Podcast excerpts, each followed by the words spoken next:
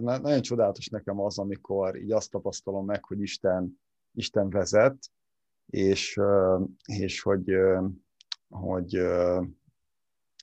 a mai dicsőítés az, az egy ilyen volt, a, hogy nem beszéltünk össze Petrával, de, de hogy, hogy gyakorlatilag ami most fog történni, az az, hogy ki fogok bontani egy történetet, amire egyrészt utalt, másrészt pedig nagyon jól belekapcsolódik ebbe a, ebbe a témába, és az volt bennem, hogy egyébként milyen jó lenne, hogyha, hogyha így mondjuk a tanítás után lehetne majd Isten dicsérni azokért a dolgokért, amiket így tanulunk tőle, meg róla, és most igazából, amit csináltunk, az az volt, hogy előre dicsőítettük Istent azokért a dolgokért, amikről majd lesz szó. Úgyhogy ez, ez tök jó, nagyon örülök, és tényleg egy dicsőség Istennek tök jó. És köszi Petra a, a dicsőítés, nagyon, nagyon jó volt, nagyon élveztem, és, és tényleg így ebben, ebben a gondolatban vagyok. A mai rész az gyakorlatilag egy, vagy a mai témánk egy, egy, egy kérdésre épül. Ez az a kérdés, hogy, hogy mi az a kérdés, amit, amit mostanában így gyakran felszoktál tenni Istennek? Van-e ilyen, van-e ilyen kérdés? A, lehet, hogy egyből jut eszedbe valami, lehet, hogy kell rajta gondolkodni egy kicsit, viszont a mai, mai történet az gyakorlatilag elég sok ilyen kérdést tartalmaz, és a tanítványok, Jézus tanítványai két, két kérdést is feltesznek ebben a, ebben a történetben, ami szerintem nagyon jól tükrözi majd a, a mi így küzdködéseinket így Istennel, és valóban lesz szó ma a, a félelemről is, illetve hogy a, hogyan, hogyan, mit kezdjünk ezzel, a, ezzel az érzéssel. Szóval a, mai történet hátterének, ugye megyünk tovább a Márk evangéliumában, mai történet hátteréhez annyit kell így tudnunk, hogy Uh, ugye itt az van, hogy az, ha visszaemlékeztek az előző történetre, hogy Jézus egy ilyen hosszabb tanítási blokkot mond el a, a tanítványoknak, és, és ebben, a, ebben a hosszabb tanítási blokkban ugye elég sok ilyen példázat van, és azt is látjuk ebben a történetben, hogy, hogy, hogy nem, akik kívül állnak, azok nem érthetik meg azt, hogy miről van szó, és hogy ők tudatosan állnak kívül, tehát ők nem, nem, nem akarnak tanulni Jézusról. Ugye még, hogyha a példázatok elé megyünk egy történettel, ott látunk több csoportot, akik, akik szemben állnak Jézussal, és nem értik, hogy mit tanít, és nem is akarnak érteni abból semmit, amit Jézus tanít. Például a Jézusnak a rokonai, amiről beszéltünk, ez milyen fájdalmas lehetett,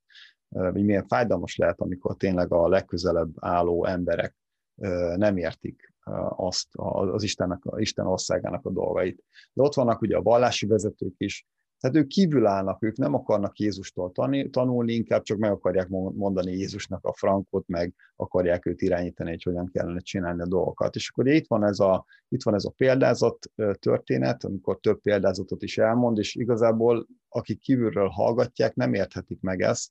Ilyen menniük kéne Jézushoz, hogy, hogy megtudják a jelentést, a tanítványok ezt meg is teszik egyébként. Tehát van egy, van egy külső kör, és van egy belső kör. A mai történet az, az arról szól, hogy mi történik a belső körrel. Ugye, hogyha ha figyeljük Márk evangéliumát, azt látjuk, hogy ő, ő a, az akció, a tevékenységeknek a, az evangélistája, és, és hát nyilván vannak ilyen tanítós blokkok, mint mondjuk az előző a példázatokról szóló, de ő nagyon szereti az akciót, hogy történjen valami. Jézus állandóan mozgásban van, és most ebbe kapcsolódunk be mi is, hogy meglátjuk, hogy ilyen, amikor Jézus mozgásban van. Úgy fogunk végigmenni ezen a rövid történeten, ami szinte teljesen biztos vagyok benne, hogy minden Jézusról szóló filmben szerepel, annyira jelentős, és mégis egy rövid történet. Úgy fogunk végigmenni rajta, hogy, hogy egy-két sort elolvasok belőle, és akkor hozzáfűzök valamilyen magyarázatot, gondolkodunk majd rajta, és akkor megyünk tovább végig az egészen. Azért, hogy kicsit megragadjuk azt, hogy, hogy, hogy milyen lehetett ez, ez a helyzet. Tehát Márk nagyon szeretné azt, hogyha beleélnénk magunkat ezekbe a helyzetekbe, és, és tényleg így hát megpróbáljuk amennyire lehet oda képzelni magunkat ebbe a, ebbe a helyzetbe, hogy megértsük, hogy, hogy mit jelentett ez azoknak, akik ott voltak ebben a szituációban, és mit jelentett ez az első hallgatóknak. Szóval a Márk evangéliumában folytatjuk a negyedik fejezetben, be fogjuk fejezni ezt a fejezetet ma, 35. verstől fogom olvasni. Ugyanezen a napon, amikor este lett, így szólt hozzájuk. Menjünk át a túlsó partra. Ők pedig otthagyva, otthagyva a sokaságot csatlakoztak hozzá, mint hogy ő már a hajóban volt, de más hajók is követték őt. Szóval itt van Jézus befejezte a tanítást a példázatokról, és elindul a tanítványokkal. Egy hirtelen ötlettől vezérelve, legalábbis kívül úgy, úgy tűnik azt mondja, menjünk át a tó túlsó partjára, ami már azért nem annyira zsidók által lakott terület volt, menjünk át a túl, túlpartra, és ugye mivel ő a hajóban van, hiszen onnan tanította a sokaságot, ugye erről is beszéltünk korábban, hogy, hogy annyira nagy tömeg volt, hogy állandóan csak így mentek volna Jézushoz, hogy gyógyítsa őket, gyógyítsa őket, és Jézus viszont itt tanítani akart, hajóból tanította őket, és akkor, mikor a hajóban van, akkor azt mondja, hogy menjünk át a túlsó partra, és ugye követik többen is hajóval, több hajó is követi. Van egy, van egy 1986-ban talált elsüllyedt hajó, ami egy korabeli, Jézus korabeli hajó volt, és ezt szeretném nektek megmutatni. A, egy pillanat múlva, csak elnavigáltam.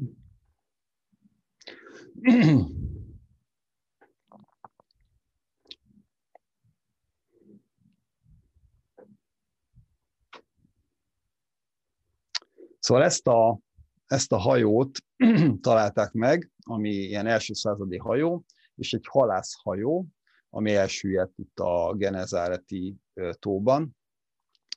Hát ez nem egy túl nagy hajó, igazából van egy, van egy ilyen rekonstrukciója is, hogy ez hogy nézhetett ki, talán, így nézett ki, talán nem, nem tudjuk, de, de valami hasonló lehetett, amiben Jézus is beült, és a tanítványokkal átment. Ez egy kb. akkor a hajót képzeljétek el, hogy kb. 15-en beleférnek, mondjuk valószínűleg nem túl kényelmesen, és akkor ugye ebben a hajóban elindulnak. Ennek, ezeknek a hajóknak nem volt túl magas az oldala, nyilván ez egy hajó, halászhajó volt, ugye húzni kellett be a halat, nem tudom, nem értek annyira a halászathoz, de ugye el tudom képzelni, hogy ez a hajó ott siklik szépen a, itt a Genezáreti tavon, itt a háttérben láthatjátok is, ez, ez maga a, tó, tehát ez nem egy nagy tó, Velencei tónál talán nagyobb egy kicsit, de Balatonnál kisebb, tehát itt van ez a tó, és akkor ezen próbálnak átjutni a, a túlsó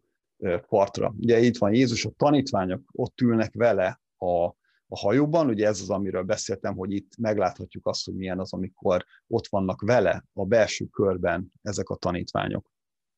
Szóval indulnak e-, erre, ezzel a hajóval. A hajón van, ugye tudjuk, hogy néhány tanítvány az biztos, hogy halász volt, ott vannak vele ezek a halászok, tehát ott vannak ezek a szakemberek, akik nagyon jól értik a, a hajózásnak a titkait, hiszen ebből élnek. Mi baj történhet? Átmegyünk a túlsó partra, semmi probléma nincsen.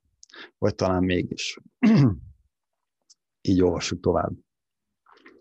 Ekkor nagy szélvihar támadt, és a hullámok becsaptak a hajóba. Úgyhogy az már kezdett megtelni.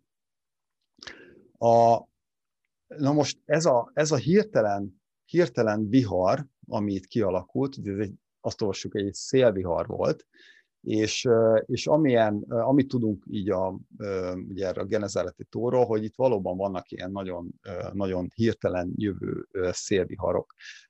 Nem tudjuk, hogy ezek a halászok elindultak-e volna erre az útra egyébként, vagy csak azért indultak el, mert Jézus azt mondta nekik.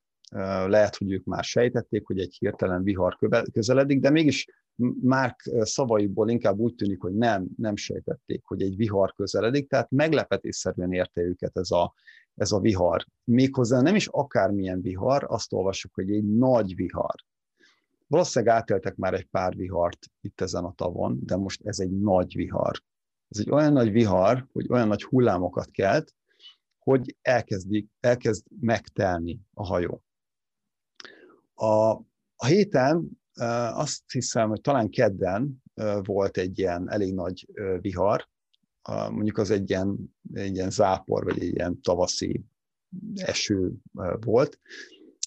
Éppen egy, egy ilyen videokonferencián voltam rajta, kinéztem az ablakon, és tényleg verte az üveget a, a, a víz, lehet, hogy volt kis jég is, nem tudom, a héten biztos, hogy volt jégeső is.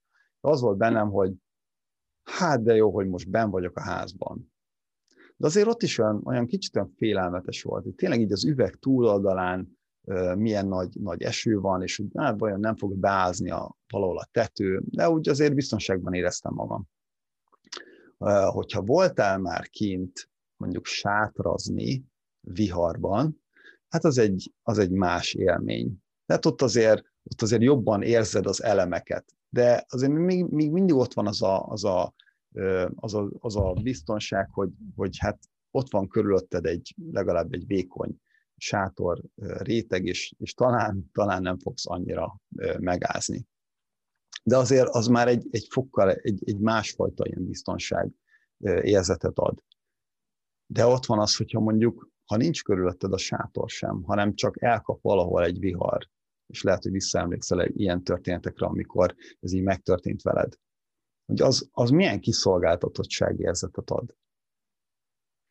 És most, de ugye ott még az van, hogy ott van a ott van a talaj a lábad alatt. Ott van az, hogy hát, hogyha jobban belegondolsz, igazából mi baj történhet, max csak annyi, hogy, hogy megázol egy kicsit, és utána megszállod a ruhát, de lehet, hogy megfázol egy picit, de, de azért ezt túl lehet élni. De itt, ha a vízen kap el a vihar, ahol, ahol az egyetlen biztos pont a lábad alatt, az a csónak, ez a csónak, ez alacsony falu, és most a hullámok pedig magasabbak, mint a csónaknak a fala. És a csónak elkezd megtelni. És tudod, hogyha megtelik a csónak, és ott találod magad a vízben, a túlélési esélyeid nagyon kicsik. Tudhatsz akármennyire is úszni. Egy szélviharban úszni a tavon, az, az nem, egy, nem egy életbiztosítás. Azért nem, mert a víz pára, ami ilyenkor ott van a víz felszín fölött, az belélegzed, és olyan, mintha nem is venni a levegőt. Ezt a halászok nagyon jól tudták. Tehát el tudom képzelni, hogy ott, ott, ott dolgoznak, tényleg merítik ki a, a, a vizet a hajóból, mindenkit bevonnak, és, és közben, miközben ezt teszik, oldalra néznek, és ezt látják. 38. vers. Ő pedig a hajó hátsó részében a vánkoson aludt. Ekkor felébresztették, és így szóltak hozzá. Mester, nem törődsz azzal, hogy elveszünk? Itt az első kérdés. Tehát itt vannak, küzdködnek azért, hogy túléljenek, megy be a víz a, a hajóba, és ők, ők csak próbálják valahogy menteni az életüket, és hátra néznek, és azt látják, hogy Jézus ott alszik édesen egy, egy párnán. Egy párnán fekszik. Márknak a stílusa, ő úgy ír, olyan részleteket belerak a történetbe, ami segít nekünk, hogy tényleg ott, oda képzeljük magunkat ebbe a helyzetbe. Eleve az, hogy, hogy átcsapnak a hullámok a hajó oldalán, ezt is el tudjuk képzelni. Meglátunk valakit a hajóban, miközben mindenki dolgozik és próbálja menteni az életét, meglátunk valakit a hajóban, aki alszik egy párnán.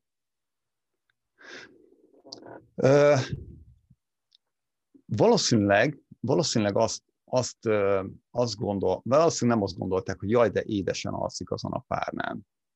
Azért párnán olyan édesen lehet aludni, nem? Valószínűleg nem ezt gondolták, hanem azt gondolták, hogy bármit csinálhatna. Bármit csinálhatna, de csak ezt ne.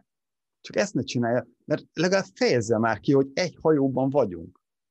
Tehát oké, okay, hogy fáradt, meg minden, de hogy legalább, legalább ott csináljon valamit, biztasson minket, vagy, vagy akár vagy fogjon meg egy kanalat is, merje ki a vizet, hogyha fáradt, de csak ezt ne csinálja, hogy alszik édesen egy párnán. És azt gyanítom, hogy, hogy, hogy zsidó emberek lévén, ugye a tanítványok, eszükbe juthatott egy, egy zsidó történet. Egy olyan zsidó történet, ami ez, ez, ezt is szinte garantálni lehet, hogy minden Bibliában, minden gyerek Bibliában is szerepel ez a történet. Tehát egy, egy zsidó gyerek is ugyanúgy ezzel nőtt föl Jónásnak a történetével. Jónás történetében ugyanez van. Jónás, hogyha visszaemlékeztek a történetre, egy proféta volt, akinek Isten azt mondta, hogy menjen el ebbe az istentelen városba, és ott hirdesse ki, ami nem egy zsidó város volt, menjen ebbe az istentelen városba, hirdesse ki Isten ítéletét.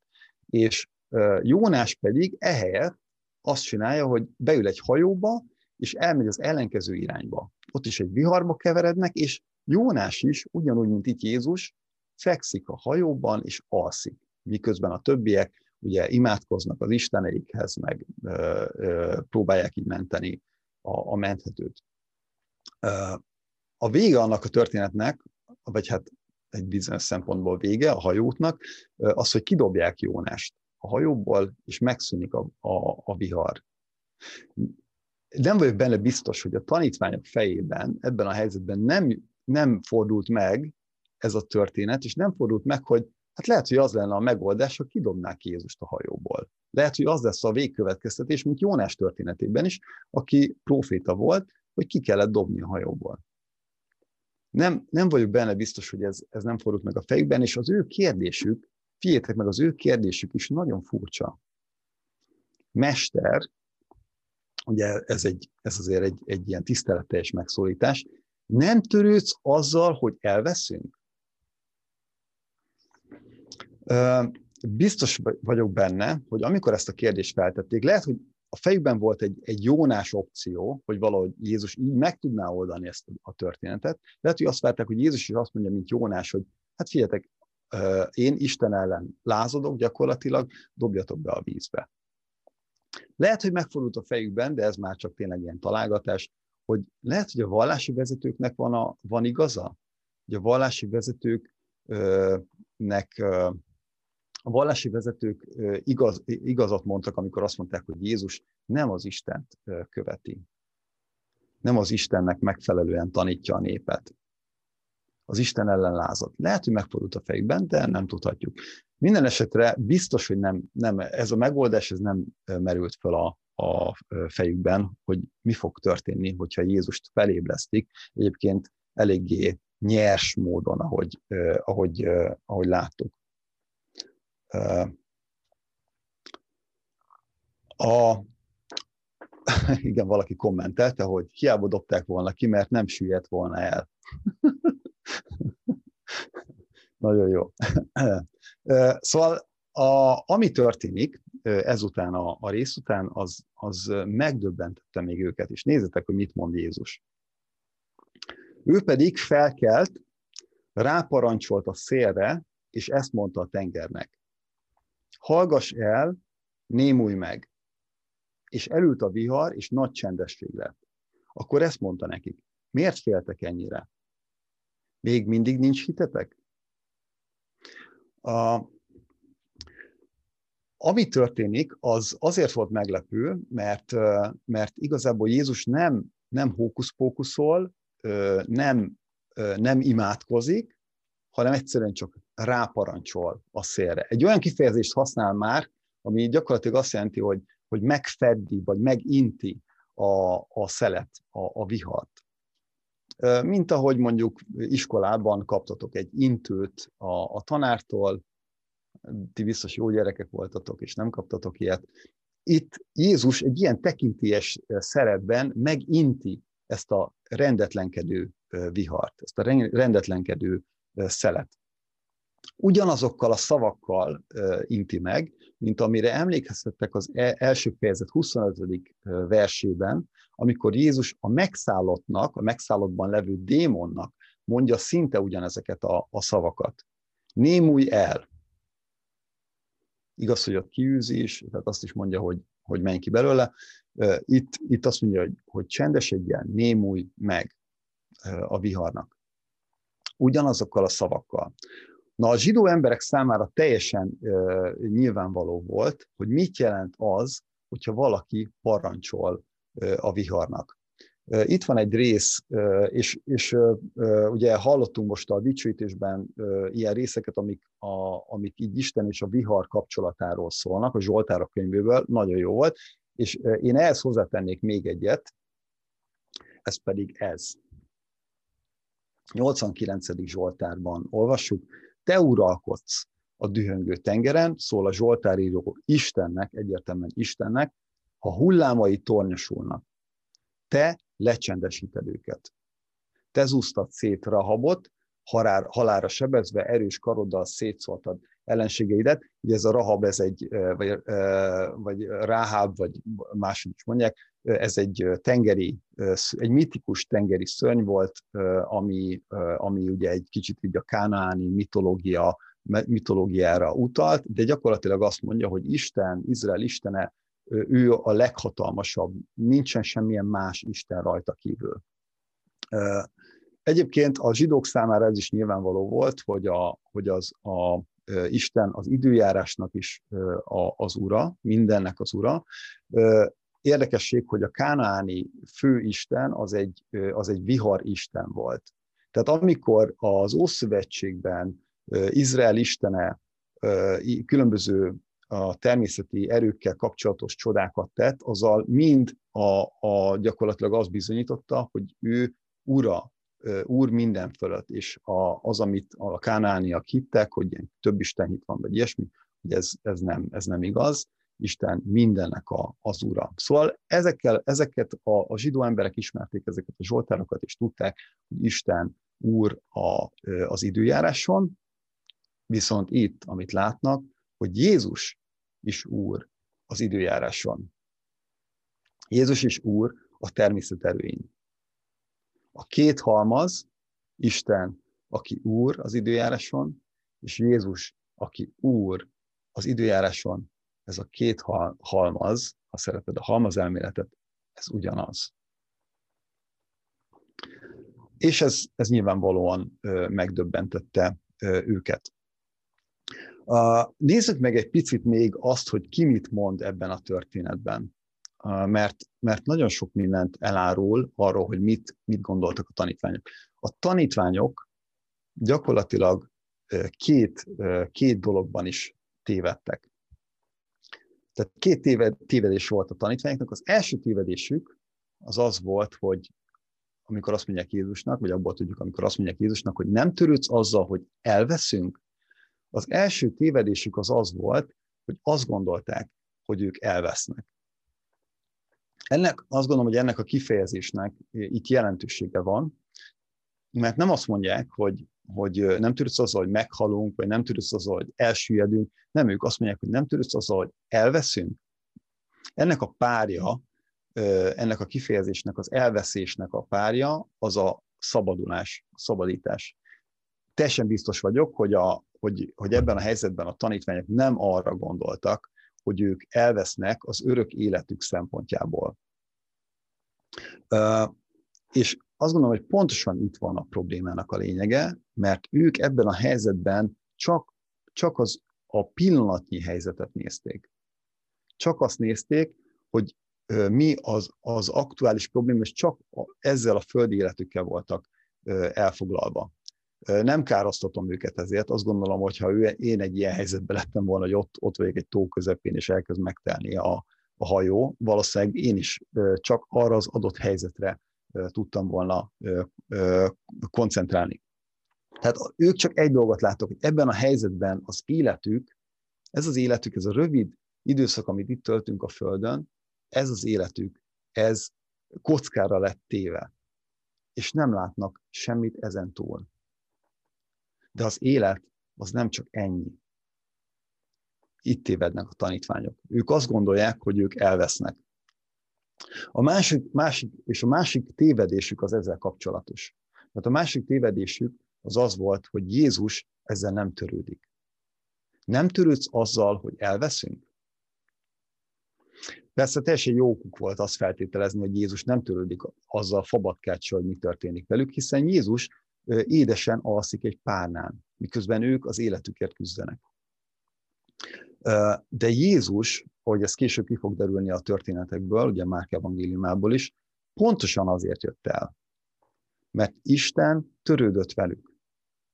Isten törődött azzal, hogy az ember alapból el van szakadva tőle. Törődött az, hogy az ember az elveszettség, és nem csak az, hogy most itt küzd egy hajóban, hanem általánosságban az egész élete hiába valóság, és elveszett az Isten nélkül. Az Istentől el van szakadva, és ennek a nyomorában él, akár a hajóban van egy viharban, akár azon kívül.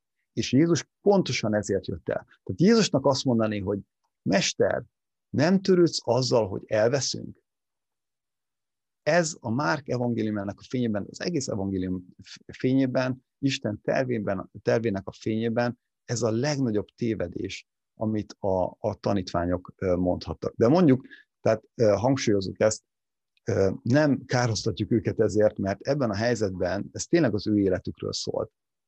Arról szólt, hogy ők ott vannak egy viharban, és ebben próbálnak túlélni. De nem vették figyelembe, és itt, itt menjünk, menjünk vissza még egy kicsit a történet elejére, nem vették figyelembe azt, hogy mi az, amit Jézus mondott. Valamennyire figyelembe vették, mert beszálltak a hajóba, és elindultak vele. De mit mondott Jézus? Azt mondta Jézus, menjünk át a túlsó partra. Tehát ők hittek valamennyire Jézusban, annyira, hogy elinduljanak vele a hajótra, de nem hitték el, hogy Jézus tényleg át tudja vinni őket a túlsó partra. Nem hitték el, hogyha Jézus, aki annyi csodát tett már eddigre, ő azt mondja nekik, hogy menjünk át a túlsó partra, akkor nem fog kamuzni, hanem akkor tényleg át fognak jutni a túlsó partra. Tehát ők, ők ezt még nem, nem értették, és nem, nem, nem, nem tudták elhinni, hogy ez tényleg meg fog történni. A,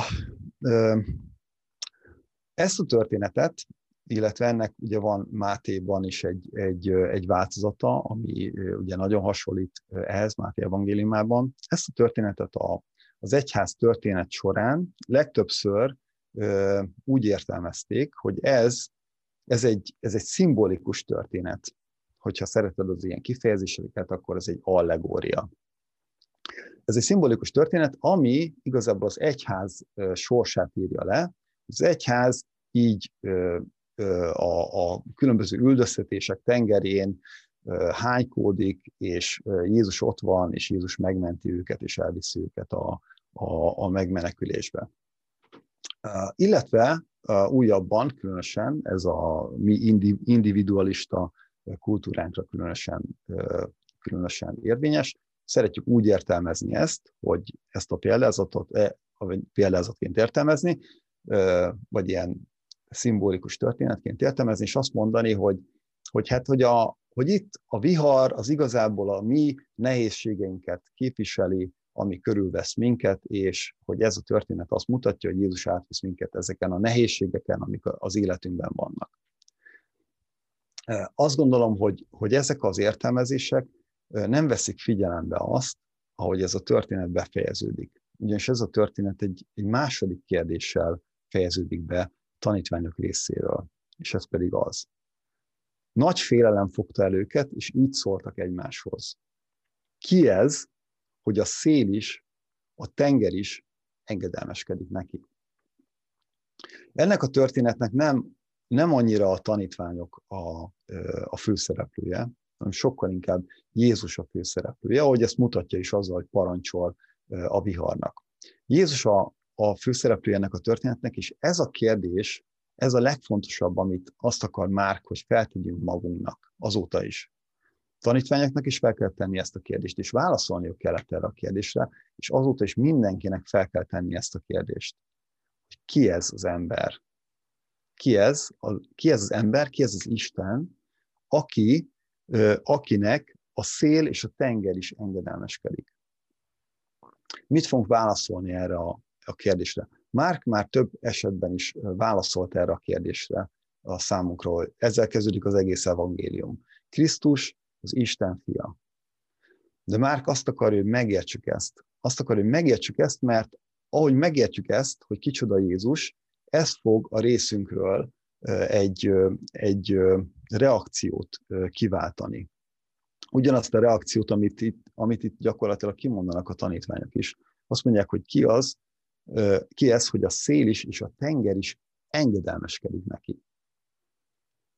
Tehát felismerték azt, hogyha itt Jézus az, akinek mondja magát, és akinek bizonyítja magát ezekkel a csodákkal, az engedelmességet követel. A tenger és a szél részéről is, igen, de az ember részéről is. És ez azért is érdekes a számunkra, mert pont Márk evangéliumában látjuk azt, hogy van, aki nem engedelmeskedik. Pont amikor Jézus azt mondja neki, hogy nem mondd el senkinek, magyarán, mint a tengernek, hogy némulj el. És az az ember nem némul el. Hogy lehet az, hogy ennek az Istennek, ennek Jézusnak lehet nem engedelmeskedni? Viszont lehet neki engedelmeskedni is. Viszont, hogyha megértjük azt, hogy kicsoda Jézus, ez alapján, a csoda alapján, és itt fog következni néhány csoda még a következő történetekben, ahol Jézus különböző, különböző olyan, olyan dolgokat fog, olyan dolgok fölött fogja bemutatni az ő hatalmát, ami, ami félelmet keltő a számunkra. Betegség fölött, és végső soron a halál fölött, most, hogy a természet erői fölött is bemutatta ezt a lelki hatalmasságok fölött ez a, ez a legközelebbi történet. Ezek fölött mind bemutatja az ő, ő hatalmát. És ez egy reakciót vár tőlünk. Nagyon érdekes ez a, ez a rész, hogy, hogy mi az, ami, ami történt a tanítványokban ennek a csodának a hatására. Azt mondja nekik Jézus, hogy, hogy miért féltek? Még mindig nincsen hitetek? És erre azt látjuk, hogy a tanítványokat nagy félelem fogta el. Na, itt van egy nagy vihar, és most itt van egy nagy félelem. Eddig féltek, de most már nagyon félnek. Igen, de ez a félelem, ez más, mint az eddigi, eddigi félelmük.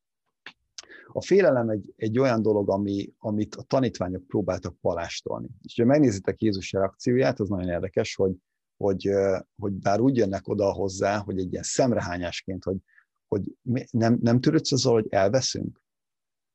Igazából nem ez volt a kérdés, hanem nem ezzel kellett volna odaérni Jézushoz, hanem azt kellett mondani, mondani, hogy Jézus, félünk. És ezért a segítségedre számítunk. De a tanítványok nem így mentek oda Jézushoz. És Jézus az első dolog, amit csinál, rámutat, hogy ti féltek. É, miért féltek? Ez egy kérdés azon kívül, hogy ki ez, a, ki ez a személy, ez egy olyan kérdés, amit nekünk is fel kell tenni miért féltek. Mindenki fél különböző dolgoktól. A félelem egy teljesen természetes, Istentől adott reakciónk a, a körülöttünk álló, a körülöttünk lévő veszélyekre. Mi mitől félünk? Lehet, hogy félünk a kudarctól, félünk a sikertől, az is lehet. Félünk attól, hogy egyedül maradunk. De félünk attól is, hogy nagyon bensőséges kapcsolatba kerüljünk emberektől. Emberekkel. Félünk a felelősségtől, vagy félünk a konfliktusoktól. Félünk a jövőtől, félünk a változásoktól. Félünk a betegségtől, félünk a haláltól. És lehet, hogy még lehetne folytatni ezeket a, ezeket a, vagy ezt a felsorolást. Azt gondolom, hogy tegnapi beszélgetésekben elég sok ilyen félelem elhangzott, amit azt gondolom, hogy ezek közül a kategóriák közül bármelyikbe, vagy valamelyikbe bele lehetne rakni. És valóban a valóságtól elrugaszkodott dolgokban való hit is okozhat olyan félelmet, ami, ami megbéníthatja az életünket. És ami egy ilyen téves elképzeléshez vezethet, ami, amit itt látunk. Hiszen egy ilyen téves elképzelés volt Istenről, amit itt megfogalmaznak a tanítványok, amikor azt mondják, hogy nem törődsz azzal, hogy elveszünk? Mi ez, hogyha nem egy, egy téves elképzelés Istenről? Szóval olyan, olyan, olyan, el, olyan dolgokba való elrugaszkodott hit, mint, mint amikor azt mondjuk, hogy nem lehet semmit tenni azért, amivel lehet változtatni a helyzetemen. Vagy amikor azt mondjuk, hogy, hogy minden csak egyre rosszabb lesz. Amikor ilyen dolgokban hiszünk, akkor, akkor lehet, hogy, hogy igazából be kell vallanunk, hogy, hogy szükségünk van segítségre. Az is, egy, az is egy nehéz helyzet, attól is lehet félni, hogy segítséget kérjünk, de van, amiből pontosan ez lesz a, ez lesz a kiút. Tehát a félelem vezethet egy ilyen torz, torz hithez, egy torz elképzeléshez Isten, Istenről. És míg, míg Jézus nem mond igazán ítéletet arra, hogy ők, ők féltek a, ettől a vihartól, egy, valami rá, egy, egy valamire rávilágítja a figyelmünket, és ez az, hogy ő ott van ebben a hajóban. És Márk is ugyanezt teszi, olyan, mint hogy két sztori menne egymással párhuzamosan. Látjuk, a, ahogy küzdenek az életükért ezek a, ezek a hajósok, ezek a halászok, ezek a tanítványok az egyik oldalon, és van, egy, van ezzel egy párhuzamos sztori, hogy Jézus alszik ezen a párnán. Ez a két kép ott van egymással párhuzamosan. Én azt gondolom, hogy ez a, ez a történet is arról azt mutatja nekünk, elsősorban Jézusról szól, és azt mondja, hogy Jézus, Úr, ezek fölött, az erők fölött, amik, amiket nem tudunk kontrollálni. Lehet, hogy az időjárás előjelzés megmondja neked, hogy most olyan idő lesz, hogy nem menjél ki, és akkor nem fogsz kimenni, de attól nem fogod tudni befolyásolni, hogy milyen időjárás van. Lehet, hogy egy, a, a, ott jár majd a, a tudomány, hogy meg tudják mondani, mikor lesz földrengés. De attól neked a házad még ott marad, ahol a földrengés van. Ezek, ezek olyan erők voltak, amik, amik akkor is félelmetesek voltak, és ma is lehetnek félelmetesek a számunkra. De rengeteg más dolog van, ahogy, ahogy előbb felsoroltam, ami, ami félelmet okozhat bennünk. És amikor ilyen félelemben vagyunk, az egyik dolog, ami, amit Isten akar, az az, hogy meglássuk őt ezekben a helyzetekben. Hogy meglássuk őt, hogy ő ott van, és ő úr ezekben a helyzetekben. Hogy megértsük azt, hogy ez az Isten igenis törődik velünk. Lehet, hogy nem úgy hozzá el a szabadulást, amit, ahogy mi szeretnénk, de ez az Isten, ez törődik velünk. és ez az Isten, ez végső soron megadja nekünk a szabadulást. Talán a, a jelenleg az egyik leginkább, leg, leg, legjelentősebb oka a félelmeinknek, az ugye ez a világjárvány, amiben benne vagyunk, és az ezzel kapcsolatos uh, halál. A, valamelyik nap mentem az utcán, és uh, szembe jött velem egy, egy hölgy, aki az ő utca túloldalán volt uh, egy olyan kb. 6 méterre volt tőlem, és, és uh, szerintem, szerintem kocogott. De, de nem, nem vagyok teljesen biztos benne, mert olyan, a mozgása az olyan, olyan volt, mint hogyha, inkább, mint hogyha menekült volna valami elől. De olyan ruhában volt, hogy tényleg úgy tűnt, hogy, hogy ő edz, és, és, egy, és a maszk rajta volt ugyan, de, de így, így lent volt a, így az álla alatt, tehát futott, és ugye közben ez elvileg lehetséges, hogy valaki ezt csinálja. De ahogy meglát, vagy engem látott, vagy nem tudom, mit csinált, de nagyon idegesen megpróbálta felvenni a maszkot az arcára. És azon mozdulata, hogy ezt megtette, abban láttam a rettegést, ami benne volt. És akkor, ami, ami így támadt egy olyan gondolatom, ami az volt, hogy hogy ennek a nőnek az sem fog segíteni, hogyha őt beoltják. Azon a félelmen, ami benne van, nem fog segíteni az, hogyha kap egy oltást. Az oltás valóban életet ment, ezt, ezt ebben, ebben bízunk, és ezért tényleg ez, látjuk is ennek a, a hatásait, ahogy, ahogy ez egy, ad egy védettséget de a félelemmel szemben az nincsen olyan oltás, ami adna védettséget. És el fog jönni az az idő, amikor, amikor azzal fogjuk szembe találni magunkat, hogy hiába, hiába tettünk meg mindent, a félelmeink ugyanúgy megmaradtak. És ez a vírushelyzet azt gondolom, hogy, hogy segít nekünk abban, hogy igen, segíthet nekünk abban, hogy meglássuk, hogy tényleg mik a legfontosabb értékeink hogy meglássuk azt, hogy mit gondolunk magunkról, mit gondolunk az életünkről, és mit gondolunk Istenről. Mit gondolunk az örök életünkről? Hol van a mi reménységünk, és mi az, amire számítunk?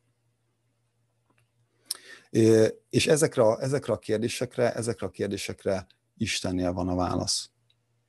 Ő az, aki helyre tudja tenni azt, hogy hogyan kell magunkról gondolkodni, és hogyan kell a saját helyzetünkről, a mi életünkről gondolkodni, és hogyan kell őróla gondolkodnunk. Amikor Isten dicsőítjük, dicsőítjük és, és Isten és Jézus jelleméről gondolkodunk, arról gondolkodunk, hogy kicsoda ő, és, és mi, mi, mit tett ő, amire Márk hív minket, az, az egy olyan dolog, ami építi az Istenben való bizalmunkat. Egy olyan dolog, ami építi a mi magunkkal kapcsolatos képünket és az Istennel való képünket. És ami egy, egy, egy segítség nekünk, hogy megküzdjünk a, a saját félelmeinkben, félelmeinkkel. Ezt meg kell tennünk. Én azt gondolom, hogy akik ebben a világban, ebben a mai világban egy pandémia után, vagy pandémiák között, vagy pandémiák előtt egyetlen egy csoport fog tudni reményt adni az embereknek. És ezek azok az emberek, akik belekapaszkodnak az Istentől kapott ígéretekbe, belekapaszkodnak az Istentől kapott reménységbe, belekapaszkodnak az örök életükbe. És így szabadon tudnak oda menni, a több, szabadon tudnak oda menni a többi emberhez, és tudnak nekik bizonságot tud tenni azzal, ahogy megélik az életüket, és azzal, ahogy hozzáállnak a környezetükben levő helyzethez. Úgyhogy nagy kihívás áll előttünk. Azt gondolom, hogy a, a gyógyulás, ami, aminek következnie, következnie kell a, egy ilyen időszak után, abban, abban nekünk hatalmas szerepünk lesz keresztényeknek. És abban hatalmas szerepe lesz annak, hogy mit gondolunk Jézus Krisztusról. Ezért is nagyon fontos, hogy olvassuk a Márk evangéliumát, és megértsük azt, hogy kicsoda Jézus, és hogy mi a mi reakciónk erre. Ámen.